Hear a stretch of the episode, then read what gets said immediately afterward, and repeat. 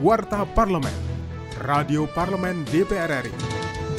Dari Gedung DPR Senayan, Jakarta.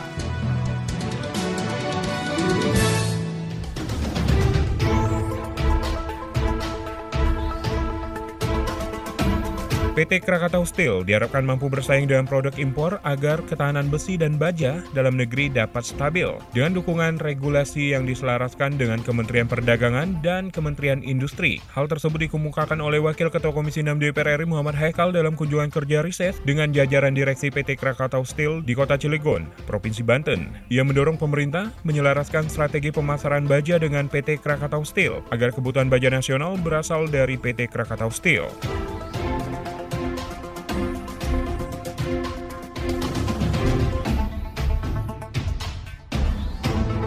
Pembahasan rancangan Undang-Undang Cipta Kerja di Badan Legislasi DPR RI tengah memasuki klaster tata ruang wilayah. Beberapa fraksi sepakat mendalami substansi Rencana Tata Ruang Wilayah atau RTRW dan Rencana Detail Tata Ruang atau RDTR. Hal tersebut disampaikan oleh anggota balik DPR RI Ali Taher saat di Komplek Parlemen Senayan, Jakarta. Ia mengatakan RDTR masih dalam perdebatan karena menyangkut kekhawatiran terkait fungsi bangunan serta perizinan bangunan gedung di kota-kota yang perlu mendapatkan perhatian dan keputusan kepala daerah.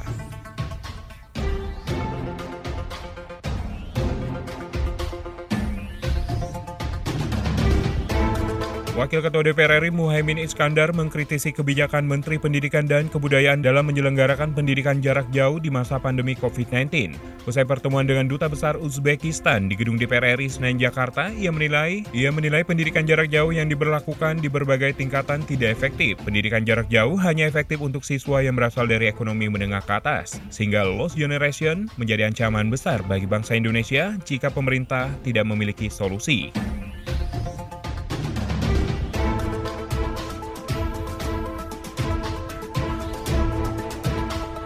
Demikian Warta Parlemen, Produksi TV dan Radio Parlemen, Biro Pemerintahan Parlemen, Sekretariat Jenderal DPR RI. Saya Idu Da Vinci.